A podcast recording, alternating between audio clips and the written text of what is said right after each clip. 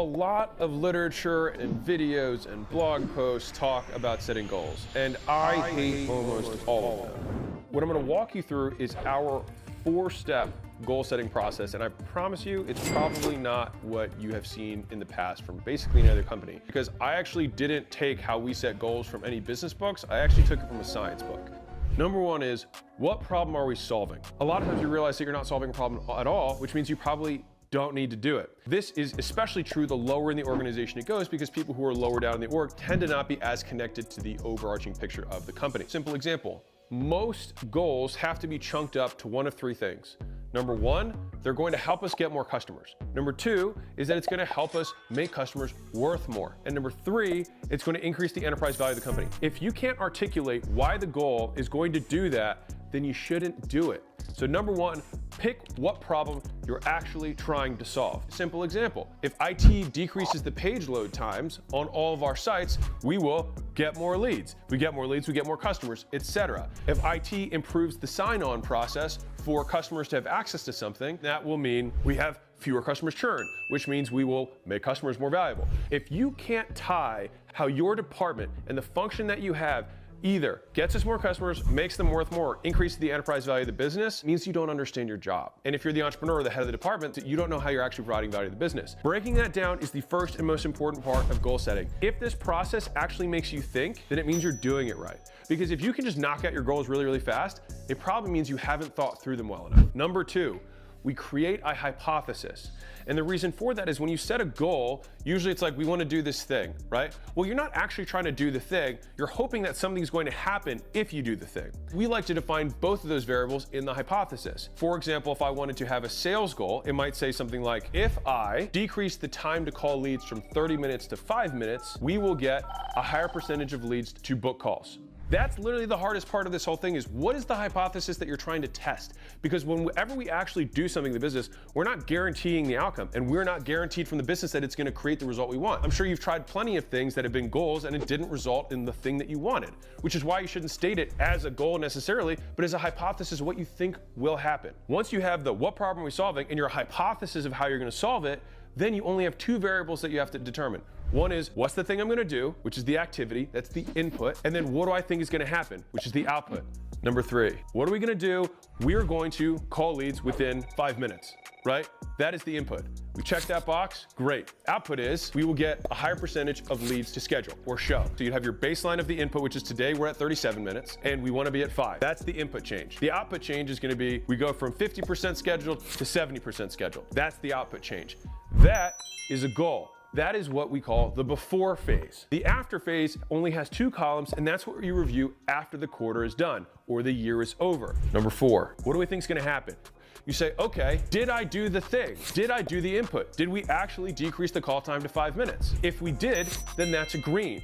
And here's where this is important. We may have decreased the call time to under five minutes, but we may not have increased the scheduling at all. That's why it's a hypothesis. Now, did what I wanted to have happen actually happen? And then that is where you can put commentary on. So what we ended up doing is we ended up getting it down to seven minutes and it didn't improve it at all. At this point, we don't need to get it down to five because we didn't have any directional improvement. It takes a lot of zero to one, a lot of shiny object, a lot of new things, a lot of trial and error, a lot of iterate, iterate, iterate until something clicks in the beginning. But big businesses often grow by a series of 1% improvements 1%, 1%, 1%. Because you've seen the Excel math when you're like, well, if I only got 10% more people to opt in, and I got 15% more people to uh, schedule, and I got 20% more people to show, and I closed one from 25% to 35%. You add all this together, and all of a sudden, you tripled the business. And the thing is, is that everyone gets so distracted with like the, I'm gonna reinvent the wheel, rather than just making the wheel a little smoother so it runs faster. And so a lot of times, especially in the 5, 10, 15, 20 million dollar top line range, that's some of the systems we have to put in place because that's how the big boys play.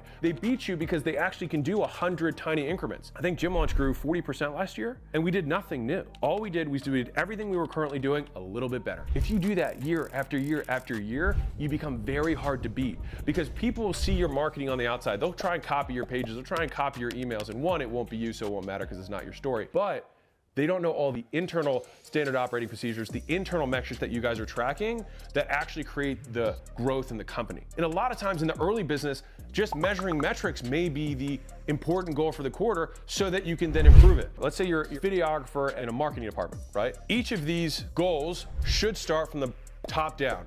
So if we say these are our five goals as a company, the department heads are going to probably have multiple activities to, to make the first hypothesis true or not. I like to have everybody as far down in the organization do this because it actually causes you to think about why you do what you do. A lot of times employees lose motivation because they don't know how what they do every day ties into the bigger picture of how the company grows and makes more money. With a videographer, for example, they're like, well, what do I do? Like, what problem am I solving? The problem is get more customers. They might not think about it that way, but that's the goal. Well, my hypothesis is either we might say it's a volume thing, which is if I double the amount of shorts I make, then we will get more traffic to our website from our organic content. And at the end of the quarter, did you make twice as many shorts? Okay, green, fantastic. Did that result in more link clicks on the site? Oh, it didn't. Huh, interesting. I wonder what would do it. Okay, we need to create more content that's more story based. Great, go back to the beginning. If we create more story based content, we will get more link clicks to website. That's why goal setting, if done right, should take work because it makes you think, why am I even doing what I'm doing? And if you don't take like a day for a whole quarter to think, why am I even bothering to do this? Then why are you bothering to do it without understanding what you're trying to improve? And the thing is, is if you think this way as a teammate or an entrepreneur, I promise you, you will be so much more valuable to your company if you can even think like a business owner. And this is how a good business owner should think. And if you can approach whoever runs your company with this model, you may find that they will see you differently because they're like, wow, Timmy, who's making these video clips, is actually thinking about what I care about, which is how I'm gonna get more customers. Whatever the second part of the statement is. If you know what you're actually trying to accomplish in the business, then it makes it a lot easier. What problem are we solving? What's our hypothesis? What are we gonna do? What do we think is gonna happen? Did we do it? Did it happen? That's it. And so that has been the simplest goal setting framework that we've used. We use this across all portfolio companies. That's what we do across everything. And it's been the simplest thing that I've seen. I haven't seen it anywhere else. It's worked for us and maybe it'll work for you. In this video, I get really in depth on the actual scaling of a sales team process, the training process, the onboarding process, the management process, etc., so that you can scale sales within your organizations. The interview process, what we're testing for is the speed of response. You can test work ethic by how quickly they get back to you because you are a lead to them. Number two, somebody who's intelligent. So if somebody sounds like an idiot, then it's the impression that they're going to be giving of your brand. The next one is you want somebody who can listen. So if someone's dominating the conversation, they're talking, they're you know motor mouthing, it's not a good idea. You want somebody who's kind of an ambivert, who's somebody who can listen and can talk when it's time and socially aware. You want someone who's coachable. And so you can measure coachability by saying, hey, I want you to role play with me in this situation. And you just give them a little bit of context. I don't care about how well you sell me, I just want to hear you talk through things. And then what you'll do is you'll give them feedback and then ask them to try again. Now, if someone can take the feedback without an ego, then you have somebody who's coachable. And if they make improvement on the second try, then you know that they can improve. If someone is not coachable and they do not take feedback well, you can already know way ahead of time that they're going to be a terrible fit for the team. Now, at this point, they have to transition their general knowledge of sales to your specific product or service. Now, I think one of the things that's overemphasized is product knowledge, and what's underemphasized is prospect knowledge. What we should be focusing on is who are we selling to more than what are we selling? Because who matters more in the sale, the person, the product, the person, right? So we want to understand their problems so in depth because if you can explain to somebody exactly the problem that they're going through, they will buy whatever you have because they will believe that you so intrinsically understand what they're going through. Once we've decided to hire this person, I like to have a 14 day onboarding period. What is covered in the onboarding period is that we want them to listen to sales calls that are good. Now, if you don't have any sales calls that are good, like I would recommend you go and sell and do it well and then record those calls and have them listen to it. You want them to be bathing in good sales. All they're doing all day long is listening to sales calls, listening to sales calls, listening to sales calls, and you can see if they watched it based on most software. Once they've watched, let's say about 40 different sales calls, they're gonna have a pretty good idea. Now, in between those watchings, you want them to work on the script. The script should be, in my opinion, a question-based framework. It's a framework of questions that lead someone naturally to the conclusion. When I review the sales scripts of our portfolio companies when they're trying to improve, there wasn't a core decision that was articulated. The sales people in general would multiple times throughout the sale just say, do you have any questions for me? You have any questions for me? And that's an indication that the salesperson doesn't know how to close. Clearly not following the script because you're not asking the prospect to come up with more reasons to not buy, right? You're asking them to make a decision. And so you have to be very clear at the beginning of the call, which is clarifying why we're here and then labeling them with a problem. So that's the closer framework. Clarify why they're there, label them with a problem, overview their past experiences and pains. Once you have that and you've gathered enough info, you say, cool, I think you'd be a good fit. Can I tell you about it? You get invited to sell, which is the S, and then you explain in very short analogies why you think you're gonna be able to solve two to three of the problems that they explained, and then you ask for the sale. And then E and R are explaining what their concerns and then reinforce the decision. And so once we have a script, you wanna boil down the decision to the most basic unit possible. And the reason you have to do that thinking is because you don't want them to try and think about what the decision is. You want to give them the decision that they have to make by the end of the call. And so if you were selling a B2B service, it would be like the decision we have to make is whether you're going to make more money on your own than you will with us in excess of our fee. What most people do is they just talk for 30 minutes and then they just present the price. And they just don't have any structure of the conversation and they don't actually do any fact finding. They go on off all of these all these tangents. Why are you here? What is your problem? What have you tried to solve? Here's how I think we can help you given what you just said to make this one decision which is can we help you more than you could on your own? Yes or no? Fantastic, close. That's it. Once we've clarified what that scripting needs to look like, and that's big picture, there's obviously wording, but for the sake of this video, I want to talk bigger picture. So once you have that, and this person has washed themselves in sales, they're studying the script, what you want to do is you want to role play with them. And you want to role play with them every morning during that process so they get better at it. Once they pass the role play test, right? And if you're like, Whoa, that sounds like a lot of work. well, it is a lot of work to build a great sales team. Once they sell you on them being able to have this sales conversation, then you put them on the floor on a half schedule. You're not gonna give them a full schedule because you want them to blow through a ton of leads. You give them a half schedule. The second half of their day, they're still reviewing the calls they had, and then you're still meeting with them twice a day, beginning of the day, end of the day. The second week of this training, when you're reviewing the sales calls with them, they now have fresh ones that they went through that you're gonna give them feedback on. Here's how you have these meetings. When you do sales manager meetings, you're communicating the goals, which in sales is usually pretty straightforward. You're making sure they're motivated, and then you're training them. That is the point of the job. You motivate and you train, as long as they're clear on what their KPIs are. 30 minutes before the call that you have with the new trainee, you listen to one or two of their sales calls at 2x you know, speed. Take written notes of all the things that you would want to improve. When you get on the call with them, which should happen immediately afterwards because it's going to be fresh in your mind, you then look at your notes and then you want to bold or prioritize one to two highest impact things that they can do now, there's probably 100 things they're doing wrong, but you just want to start with the highest impact things. And then you give them those things, and it takes about five minutes to communicate that. 30 minutes to review and write the notes, five minutes to communicate the thing that the one to two highest leverage things that they can do to improve, and then 25 minutes where you role play again with them with the new changes. And then they go back the next day, they do more calls, you listen to see if they did the thing. They didn't do the thing, you role play again. Go next day, you listen to the recordings. Now, maybe they got it right. And you say, hey, keep doing that, you're getting better. Now, let's also do this thing.